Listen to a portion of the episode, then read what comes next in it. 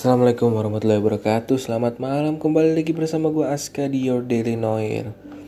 Jadi hari ini hari Minggu Tanggal 6 Desember Jam 00.17 Waktu Indonesia bagian Barat. Sekarang itu Corona sudah 570 ribu kasus di Indonesia. Yang sembuh sudah 470 ribu dan yang mati itu ada 17.589. So far corona getting better ya karena yang meninggal lebih sedikit setidaknya. Ya tapi tetap saja menyisakan sebuah kesedihan ya bagi yang kehilangan atau memang hilang. Karena 17.000 itu sama banyaknya dengan apa ya ya pokoknya sangat-sangat menyakitkan juga lah ya. Kita juga nggak bisa anggap remeh kematian yang 17 ribu tersebut cuman kita juga bisa bersyukur karena setidaknya uh, yang sembuh lebih banyak daripada yang meninggal dunia. Dewasa ini corona juga makin menjadi-jadi karena udah di penghujung tahun ini belum juga ada kepastian mengenai vaksin dan sebagainya. Berbeda dengan mereka yang memang tidak percaya dengan adanya virus ini mereka juga sebetulnya agak was-was dengan adanya virus ini cuman apa boleh buat karena mereka merasa jadi minoritas dan itu tidak diperbolehkan. Setiap orang harus menggunakan protokol kesehatan yang sudah ditentukan oleh bagian-bagian dari daerah masing-masing atau at least ya sama rata lah ya pakai masker, hand sanitizer, jaga jarak dan sebagainya. Tapi kerusuhan ya. Ini gue bilang bisa dalam kerusuhan kerusuhan ekonomi biologis juga bisa dibilang psikologis dan juga mental. Ya masuknya mungkin ke psikologis karena banyak orang merasa bahwa hal ini itu tidak seharusnya terjadi dan tidak mungkin bisa terjadi. Tapi sudah kejadian dan ini masih sangat-sangat merugikan karena ekonomi kita setidaknya turun kurang lebih 3 hingga beberapa persen persentasenya dari beberapa pekan terakhir ini.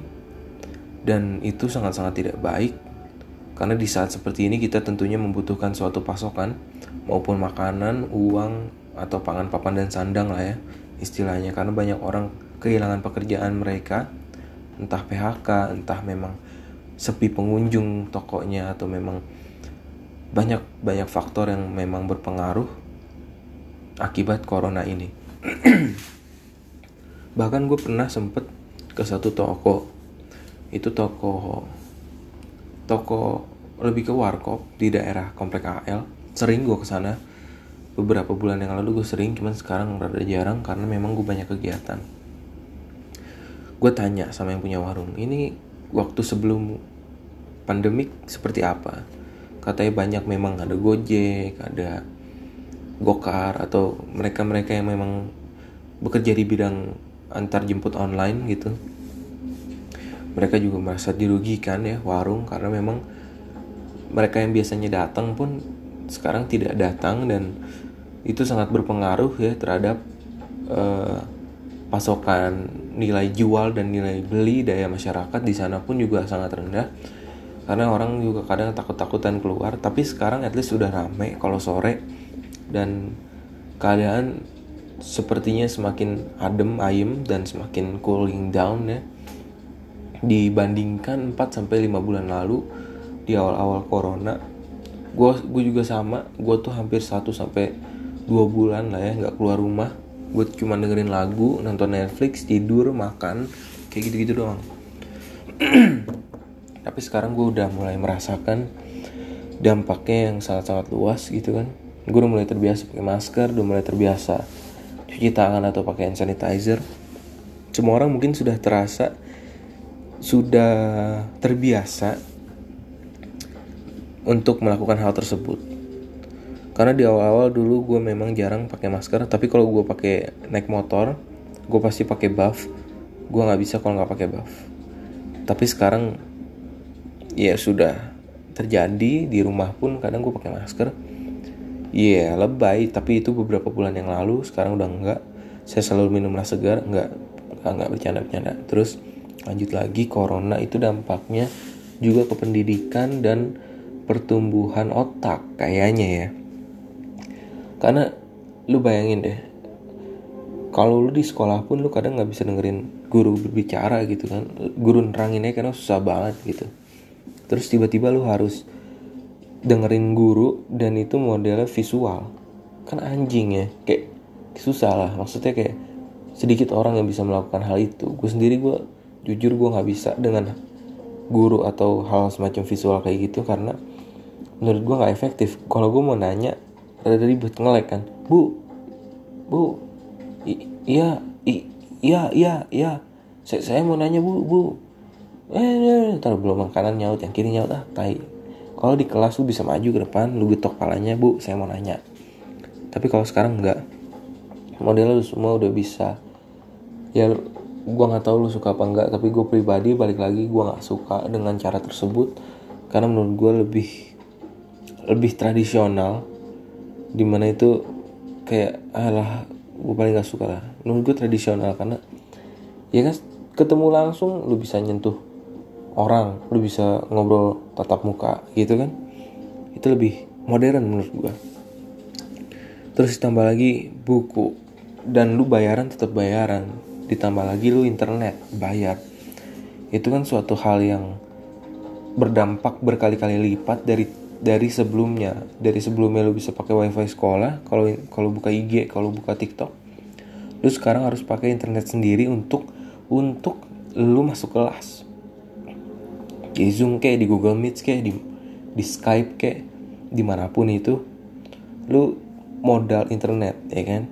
Sementara lu juga bayar SPP belum lagi lu beli buku dan sebagainya. Itu suatu pemborosan dan itu nggak bisa dilebatkan ke orang-orang di Indonesia. Karena satu satu satu pun mereka kadang kesulitan. Bayar SPP susah makan susah. Ditambah lagi dengan internet ditambah lagi dengan kondisi kita yang kepulauan dan banyak daerah yang belum terjangkau oleh internet atau mungkin bahkan handphone dan semacamnya yang memang harus mumpuni agar uh, kualitas belajar mengajar pun juga menjadi lebih bagus gitu. Untuk itu makanya gue bilang ini ada pengecilan otak karena banyak orang yang ter, yang nggak terfokus terhadap pembelajarannya masing-masing dan itu berakibat kepada satu ujian yang memang kita bisa searching ya kita searching ketemu jawab nilainya bagus tapi sebetulnya lu sendiri nggak tahu apa yang sedang lu kerjakan. Tiba-tiba lu bagus dapat kerjaan karena memang nilai lu bagus yang ranking tadi itu misalnya. Tapi pada saat corona terus tiba-tiba lu masuk dan lu nggak tahu apa-apa pas kerja. Itu itu sangat-sangat sangat bad sih gue gue bilang ya.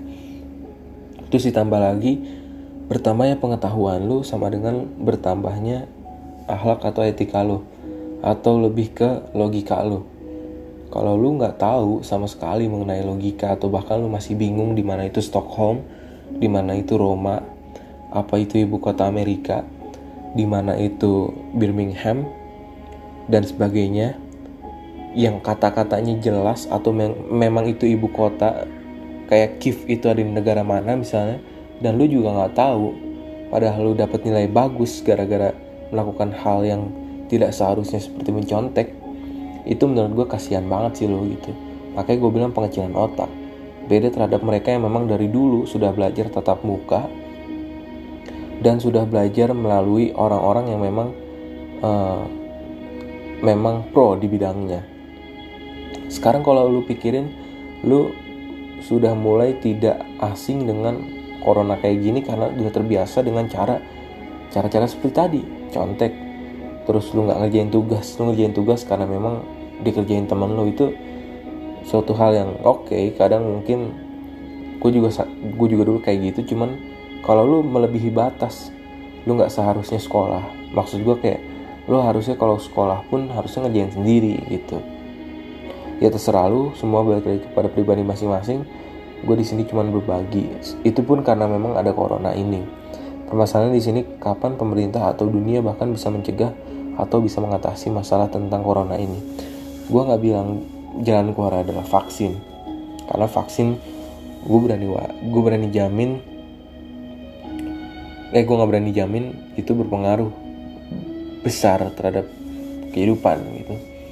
Karena kalaupun meninggal meninggal juga kemarin sempet ada acara di Kompas TV ya.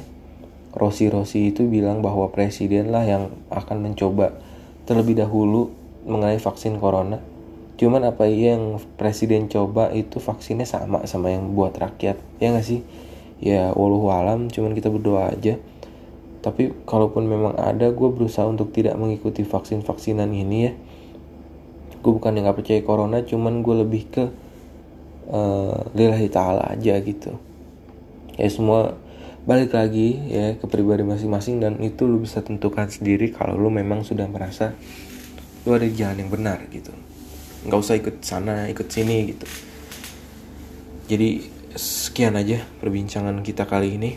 Pokoknya masalah sekarang itu ada di corona dan ini kita saksikan di awal bulan dan di akhir tahun di kondisi yang memang cuaca lagi nggak jelas-jelasnya pancaroba dan dunia seakan udah mulai berhenti gitu jadi kita nikmatin aja proses dan pencapaian yang udah kita junjung di tahun-tahun ini dan tahun dua tahun sebelumnya.